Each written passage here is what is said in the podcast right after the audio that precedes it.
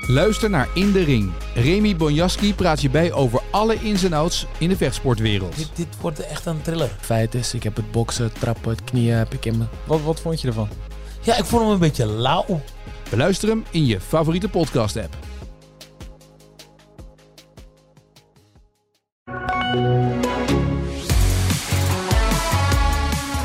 En dat was nummer 6 op rij. Geen boe, maar respect voor Verstappen in Engeland en vreugde bij de Britten na het podium met Norris en Hamilton.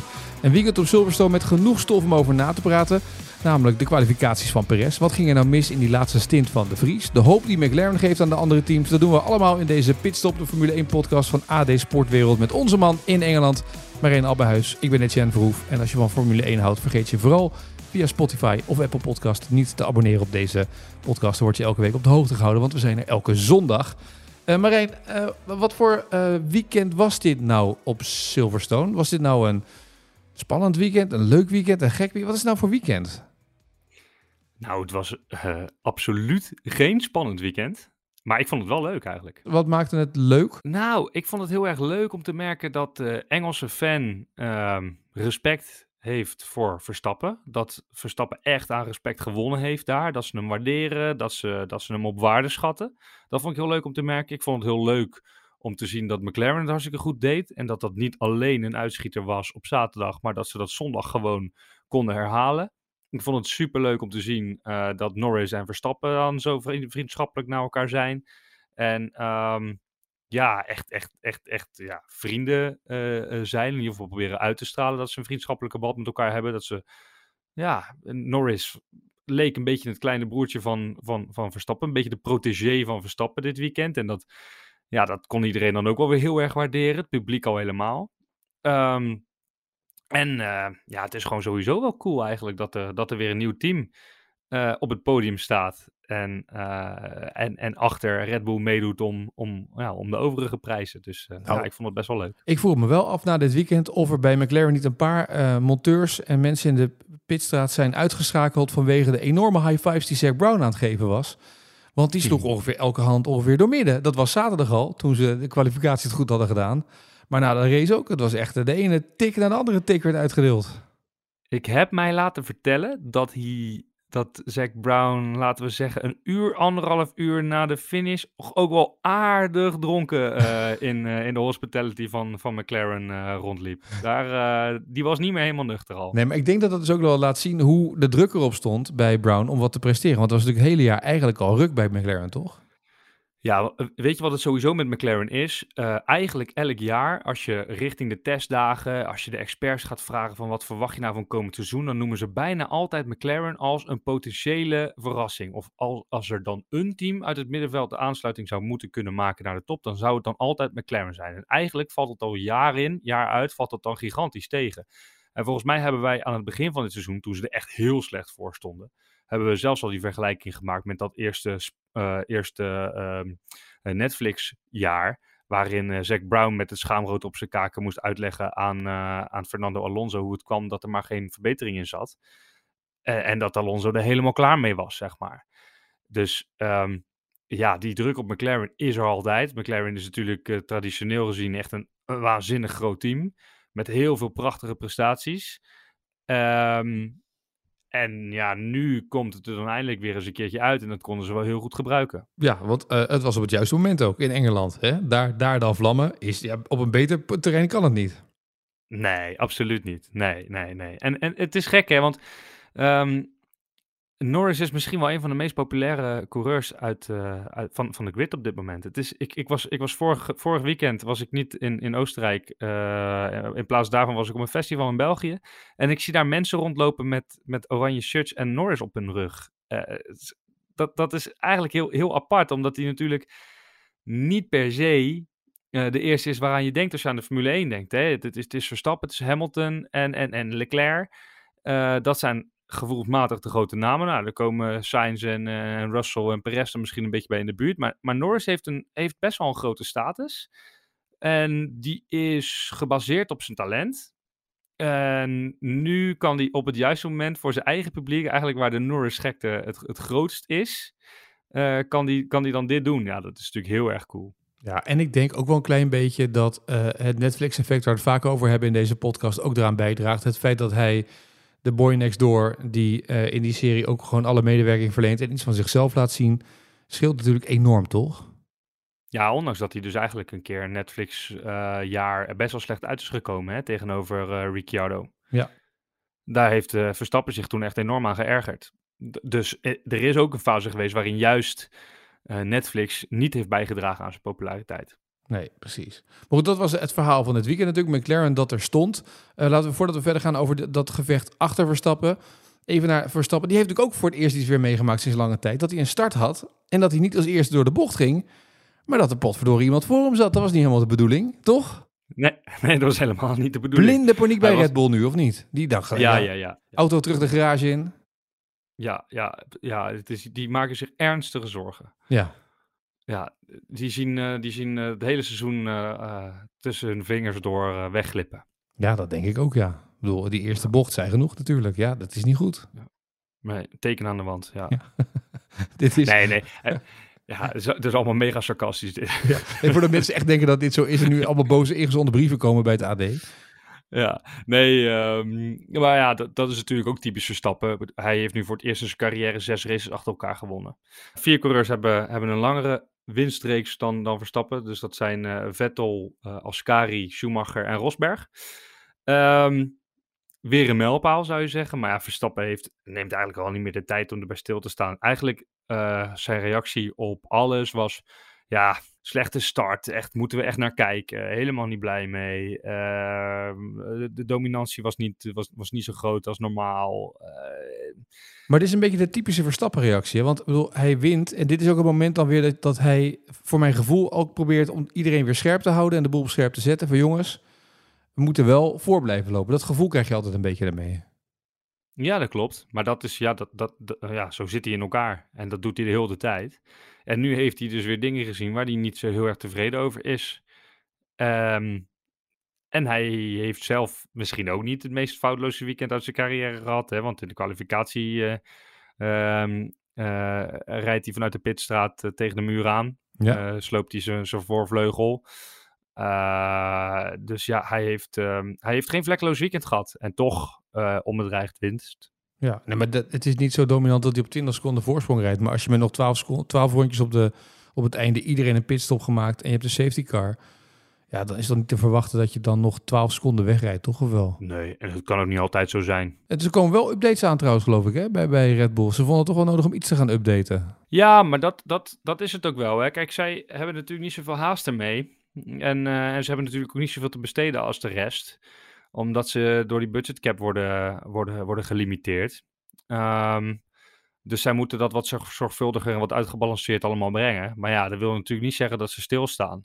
En zij hebben natuurlijk liever aan het einde van het, eh, van het seizoen... hebben ze nog wat meer ruimte om, eh, om wat, wat grotere updates te doen dan dat ze nu eigenlijk al alles hebben uitgegeven. Kijk, dat, dat, is, dat, is, dat is een beetje de consequentie van de situatie waar, waar ze in zitten. Zij moeten het allemaal beter timen. En nou ja, goed, ze zijn ook wel in een positie dat ze niet echt haast hoeven te maken, want ze liggen zo ver voor op de rest. Dat ze het lekker rustig aan kunnen doen op dat vlak. Ja. Nou is het bij ons gaat het steeds over Nick de Vries. En dan heeft iedereen het over de woorden van Helmoet Marco en de woorden van Christian Horner over Nick de Vries, die dan bij Alfa Tauri eh, niet naar behoren presteert. En dan kijk ik even naar de prestaties van dit weekend. Ehm, die, beide Alfa Tauris eindigen achteraan. Dus eh, zolang Tsunoda daar ook rijdt en de Vries eh, daar achteraan zit, eh, of in ieder geval in de buurt zit, dat is dan vervelend dat Alfa niet presteert. Bij elke andere coureur zou volgens mij daar niet vijf plaatsen voor rijden. Maar in die stal van Red Bull hebben ze ook nog een tweede man achter Verstappen zitten. Perez. Die voor de vijfde kwalificatie op rij faalt. En waarom wordt daar dan met een soort van mantel der liefde over gesproken en wordt die dan niet zo aangepakt? Ehm, En niet dat ik hier Checo Eh. Perez voor de bus wil, maar ik vind het zo frappant waarom een jonge jongen als of een, een rookie eigenlijk als Nick de Vries gelijk daar wordt neergesabeld en de man die daar als tweede coureur zit bij het team dat moet presteren en eigenlijk tweede moet worden, eh, dat hij dan niet presteert, dat dat een beetje zo doet. ja, maar is, kijk, ehm, je kunt je afvragen in hoeverre ze dat nou zo heel belangrijk vinden. Eh, wat de teamgenoot van, van Max doet. Het gaat erom dat Verstappen wereldkampioen wordt. Het gaat erom dat hij zich blijft ontwikkelen. Het gaat erom dat hij blijft winnen. En wie je ook naast hem neerzet, ze zullen er allemaal zo uitzien als, eh, als Sergio Perez. En ook, want ook als het iemand is die wel goed is. eh, kijk, kijk, we doen nu net of Perez een prutser is, dat is ook weer een beetje oneerlijk. Maar iemand, nou laten we zeggen, stel je zet Norris daar neer. Of Ja. Leclerc. Iemand waar je, waar je, waar je veel, veel van verwacht. Kijk, die jongens die zullen, die zullen niet accepteren dat die auto voor de volle 100% naar Verstappen eh, zijn voorkeuren wordt gemaakt. Die zullen ook een vinger in de pap willen hebben. Die zullen, die zullen willen eisen dat ze gelijke kansen krijgen. En ehm, eh, Red Bull heeft de juiste formule te pakken. Ze hebben de juiste auto eh, voor de juiste man. Ze hebben de beste auto voor de beste coureur. En dat is volgens mij het enige dat telt. En zo, zolang ehm, dat werkt, ja, is er eigenlijk geen reden om dan die, die man naast Verstappen te gaan vervangen.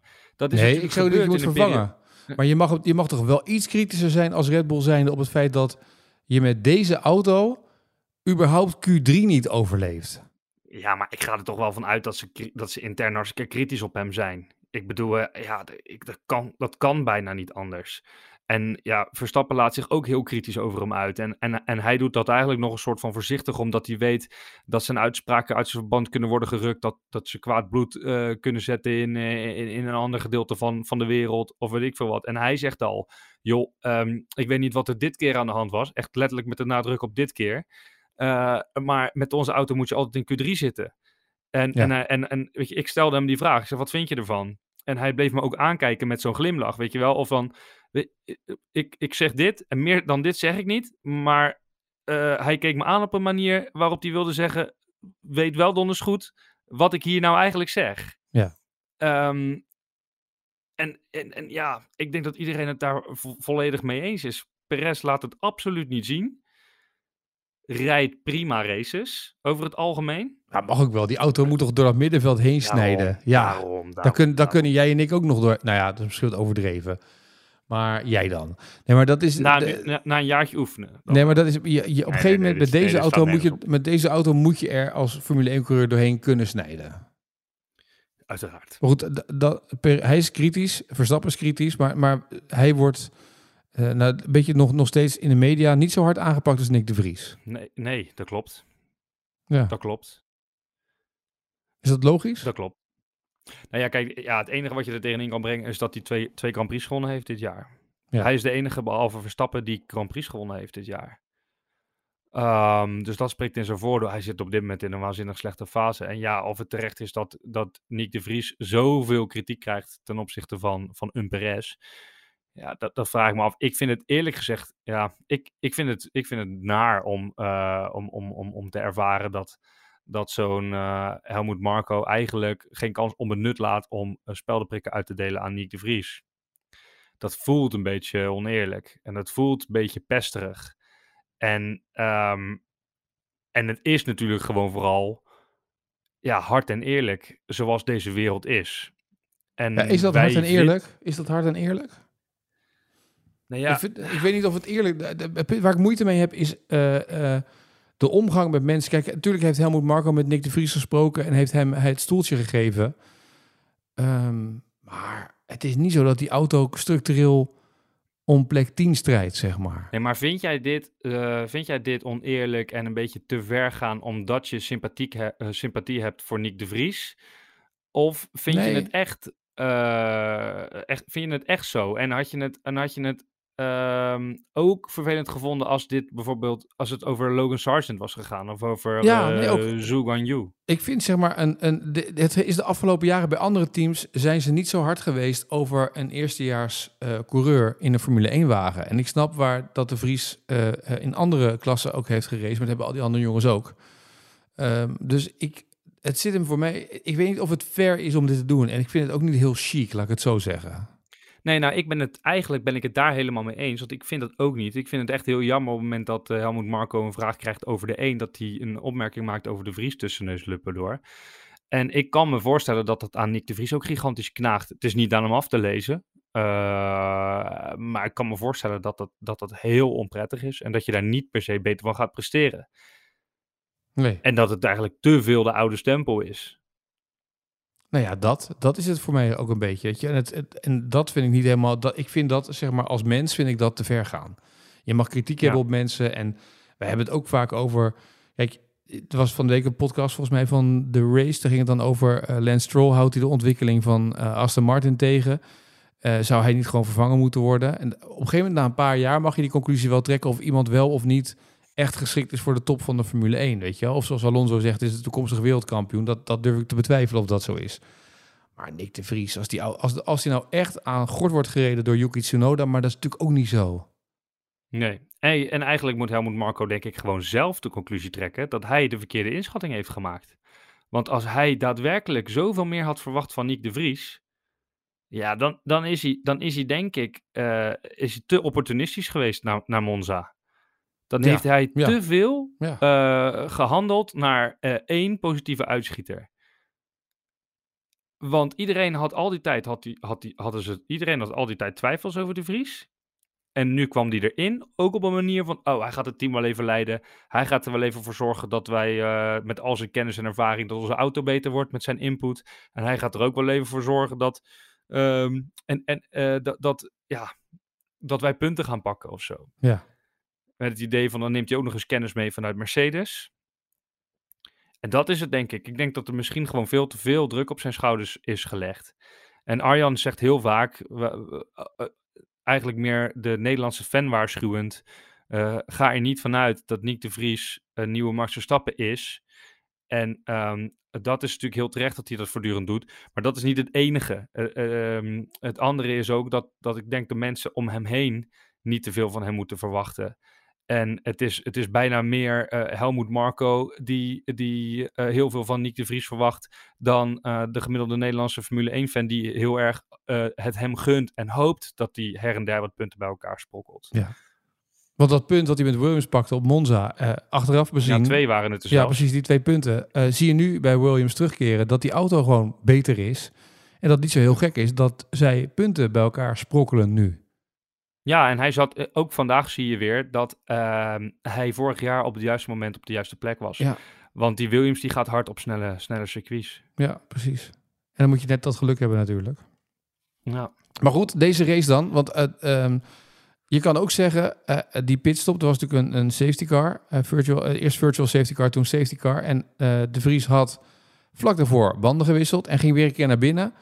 Om toen die gele band in te wisselen voor die rode band. Je kan ook zeggen, blijf gewoon buiten. Nou ja, dat, dat, dat vind ik dus wel. Ehm, ik was bij hem na de race. En hij had het de hele tijd over. Hij, begon zijn, hij had eerst zijn eigen analyse. Hij begon zijn analyse. Driekwart van de race ging hartstikke goed. Hij, hij noemde het heel erg goed. Klopt ook volgens mij, want hij Eh, reed 14 op ja, een gegeven ja. moment. Ja. Ja, ja. ehm, en eh kon verrassend lang die rode band goed houden. Eh, eh, dat hadden we niet verwacht. En dat ging supergoed. En toen zei hij, en mijn eerste drie rondes op de harde band waren ook heel goed. Toen zei ik, ik zeg Nick, als ik me niet vergis, eh, ben je niet naar hard, maar ben je naar medium eh, eh, gewisseld. Toen zei hij, ja, ja, ja, dat klopt. Ik zeg het verkeerd, ik ben naar medium gewisseld. En waarop mijn wedervraag was van, maar had je daar niet op willen blijven dan? Want die rode band ten opzichte van die mediumband is toch niet zo'n super groot verschil. Terwijl, ja, als je op hard had gestaan, dan was het volkomen logisch geweest dat je weer naar binnen ging. Maar je stond op medium en iedereen om je heen ging naar binnen. Dus ondanks dat zij minder tijd verloren dan dat ze normaal gesproken hadden verloren, hadden ze alsnog tijd verloren. Maar hij zei, ja, nee, ja, we hadden nog maar 14, eh 14 ronden te gaan. En dat was duidelijk de beste band om op te staan vanaf dat moment. Maar ja, eh, het was, hij kwam niet op de, op de beste positie te staan dan waar, eh, eh, als waar hij op had kunnen staan. En ja, ik denk dat hij daar echt wel een paar plekken heeft weggegeven. Ja. Ja En dan vraag ik me eigenlijk ook af of zij eh, in combinatie met elkaar, dus zijn engineers en hij zelf, of ze die, of ze die strategie wel, wel goed eh, helder hadden. Want als, als Niek in zijn hoofd het gevoel heeft dat hij, dat nou hard is gewisseld en dat is hij eigenlijk niet. En dan, ja, ik, ik, er is, zit ergens ruis op de lijn. Want hij, hij zei een paar keer, ja, toen die eerste drie, eh, hij zit eerst in Nederlands en daarna in het Engels, eerste drie ronden op hard. En helaas kwam toen pas die safety car, anders had ik, had had ik een kans gekregen. Ja, zonde.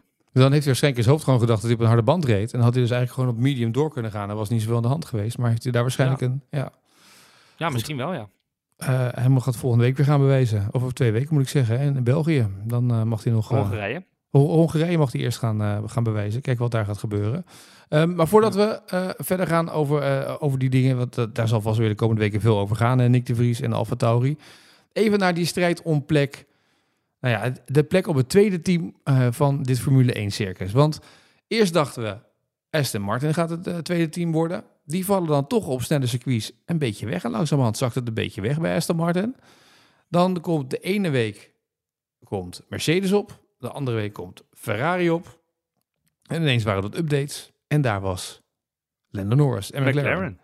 Ja. Ehm, dus wie is nou... Is er nou een duidelijk... Is geen duidelijk tweede team, hè? Dat ligt helemaal open. Nee. Het ligt helemaal open. Het ligt echt helemaal open. En ik ben eh, dit weekend een beetje gefocust geweest op, de, op het sentiment vanuit Engeland eh, over Verstappen. Dus ik heb veel Engelsen gesproken over hoe, hoe, kijken jullie nou naar die dominantie? Want het ging vooral over die dominantie, omdat Mercedes die dominantie ook heeft gehad. En op een gegeven moment zei een, eh, een, een, een, een, Engelse journalist, die zei tegen mij, weet je wat het is? Als je Verstappen weghaalt uit dit eh, kampioenschap, dan hebben we het mooiste kampioenschap ooit. ja. Wa- Want, want dan zit iedereen mega dicht bij elkaar. En dan is het. Dan, dan hadden we dus echt al vijf verschillende teams gehad die een race hadden gewonnen. Als je Verstappen eh, weghaalt. Dan had je. eh, Alonso had dan een race gewonnen. Dan had eh, Hamilton een race gewonnen. Had Leclerc een race gewonnen. Had Norris een race gewonnen. En Perez heeft, eh, heeft, u, heeft twee races gewonnen. Ja, dat is toch, dat is toch onwijs cool. Ja. Ja, maar dat is ook een beetje wat je nu steeds ziet op televisie. Die registratie. Je, doet bijna, je vergeet bijna dat Verstappen... Het is dat zo'n zo'n tabelletje naast staat. Dat je Ja. ver ziet staan. En die is ook ver voor de rest.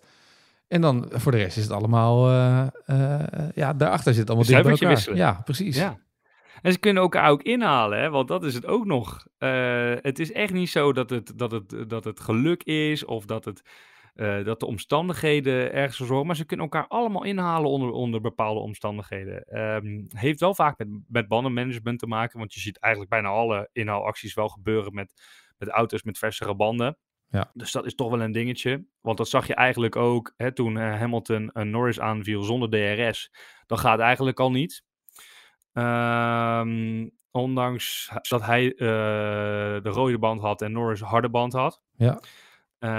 Maar ja, het is, ze zijn echt, echt aan elkaar gewaagd. En McLaren is het nu natuurlijk pas voor de eerste keer dit seizoen. Maar ja, als je naar het bredere perspectief kijkt, ja, het is echt eh, super, super interessant. En eh, de ontwikkeling van Mercedes en Ferrari gaat ook niet zo hard dat zij eh, op een gegeven dat we, dat we kunnen verwachten dat zij op een gegeven moment een keer een gat slaan naar Aston Martin en, en McLaren. Want die gaan we er vanaf nu maar gewoon bij noemen. Ja. Dus ja, ik, ik, ik, kan, ik kan geen antwoord geven op de vraag welk team wordt tweede. Nee, en daar zit natuurlijk een beetje bij dat ik het gevoel heb dat ze bij Mercedes denken: we gaan niet te veel updates op deze auto doen, maar vooral werken aan volgend jaar. Zoals Hamilton al een paar keer heeft gezegd: ik weet wat er mis is met de auto. eh, en dat moeten we dan maar aan gaan pakken, maar dat kunnen we pas volgend jaar eigenlijk doen. Wat Toto Wolff ook een beetje zei.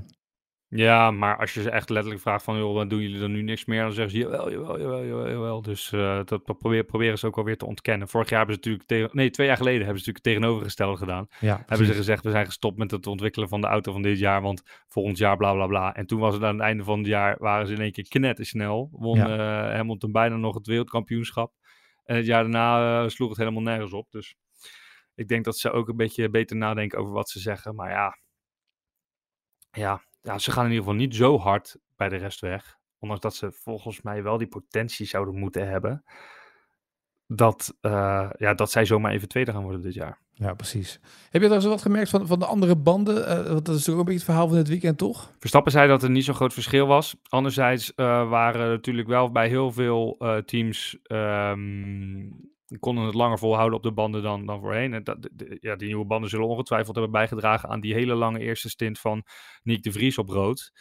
Ehm, ja, wat ik dan overigens wel, om even een zijstapje te maken, wat ik dan weer heel frappant vind, is dat Leclerc op zijn gele band al eerder naar binnen moet dan Russell op zijn rode band. Wat gaat het dan daar zo bij Ferrari dan weer niet goed? Ja, is het totally different plan. Uh, we take a plan B. En, eh, hè? Ja, dat is...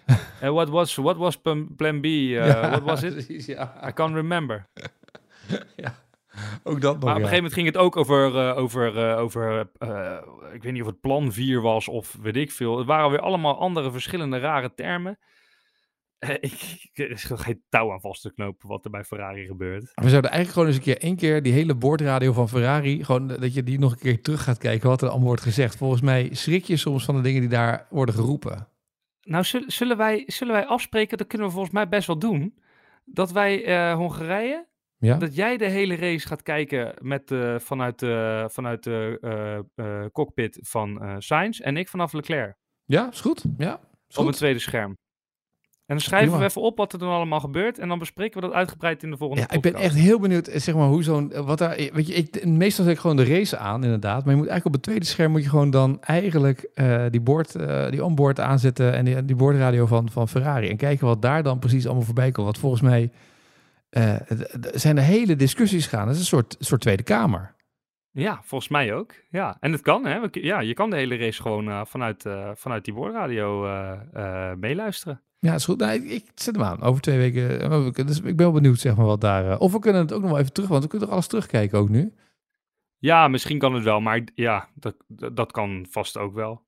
Kan vast Even wel. kijken. Maar misschien is, het, misschien is het wel cool om het live te doen. Dat is goed, ja. Even kijken wat daaruit uit gaat komen. Welke boordradio ze daarbij kunnen houden. Wat er op, aan de, op de boordradio's gebeurt bij Ferrari. Dat is een mooie uitdaging. En dat was ook, eh, ook het weekend eh, van de, de Formule 1 film met Brad Pitt. Ehm, viel Ja. niet zo op, moet ik zeggen. Vond, ik had verwacht dat er... eh, dat ze als Formule 1 heeft gezien, dus de, hoe Formule 1 in Amerika ook bezig is aan de weg te timmeren. En het feit dat Apple meedoet aan deze film, dacht ik, nou, daar zullen we wel iets van terugzien, zeg maar. Hè? Maar dat vond ik toch best tegenvallen. Hè? Goeie rutjes zeg.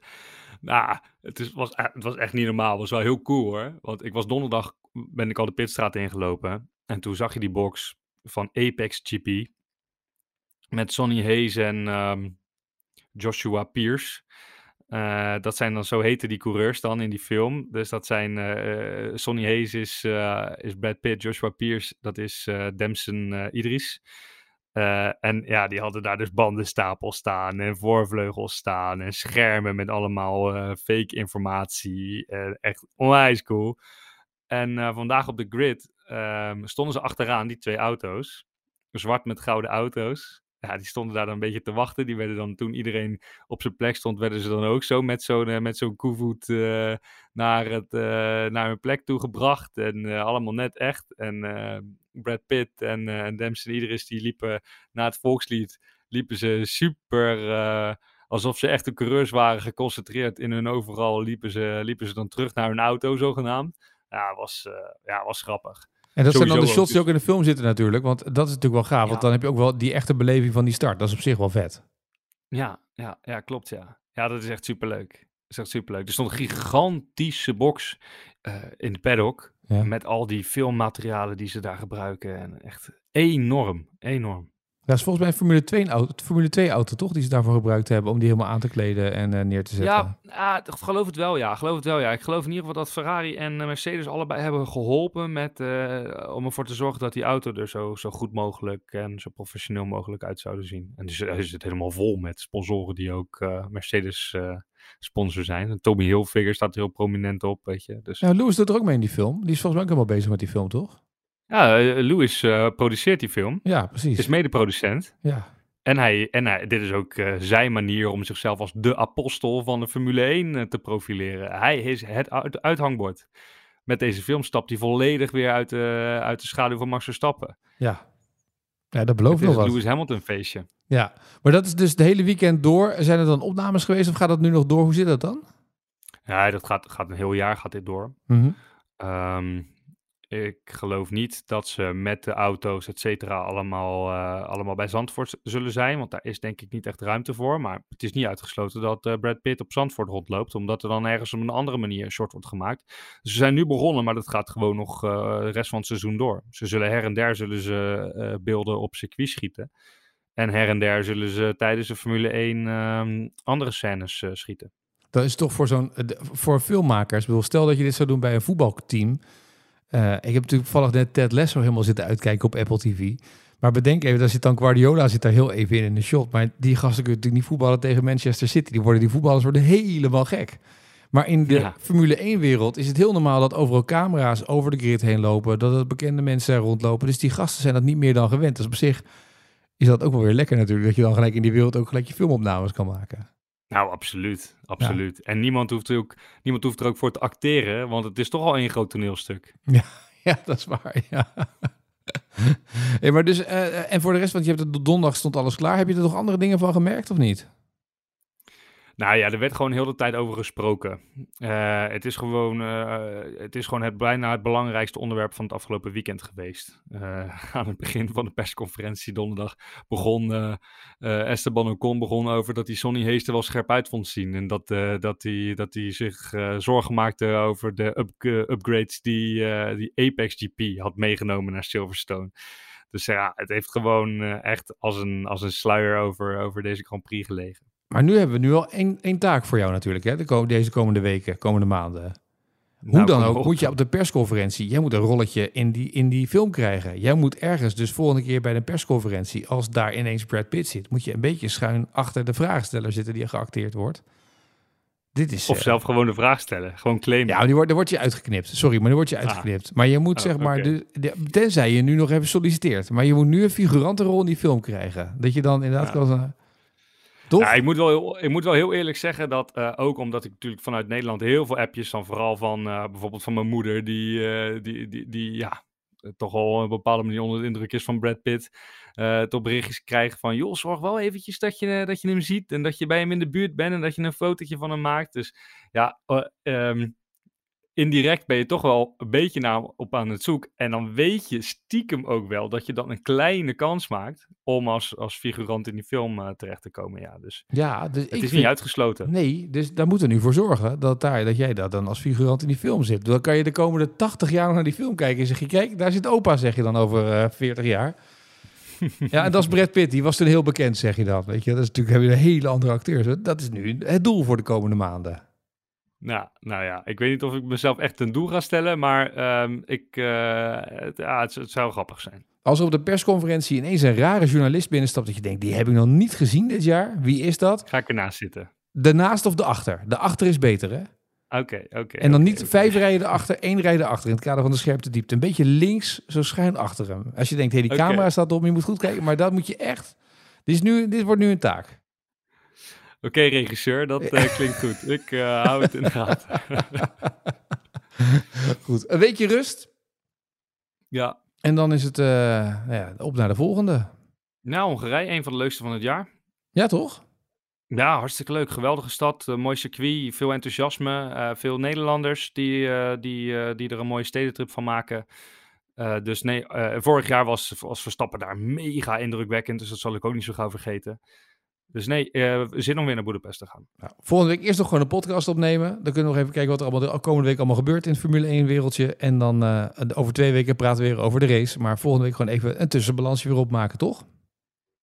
Yes, gaan we En eh, dan kunnen we gewoon ook even gaan tellen voor de wereldkampioenschap. En wanneer de wereldkampioen wordt. Want dat hebben we nog niet benoemd in de video wel. Maar hij heeft nu zoveel punten voorsprong verstappen. 99 punten. Dat hij gewoon overal alle races tweede kan eindigen. En dan wordt hij nog wereldkampioen. Ja, nou, en hij gaat eigenlijk bijna nooit meer tweede eindigen. Dus eh, poeh, ja, wat zal het worden? Ik denk eh, Qatar of Austin. Ja, er waren al mensen die hadden getwitterd en geappt in Japan. Hadden al mensen al gemaild. Iedereen kan voorspellen via pitstop.ad.nl. Dus ik ben heel benieuwd waar die dan zometeen wereldkampioen wordt. Eerst moet hij even naar de negen achter elkaar, dan, dan staat hij naast Vettel.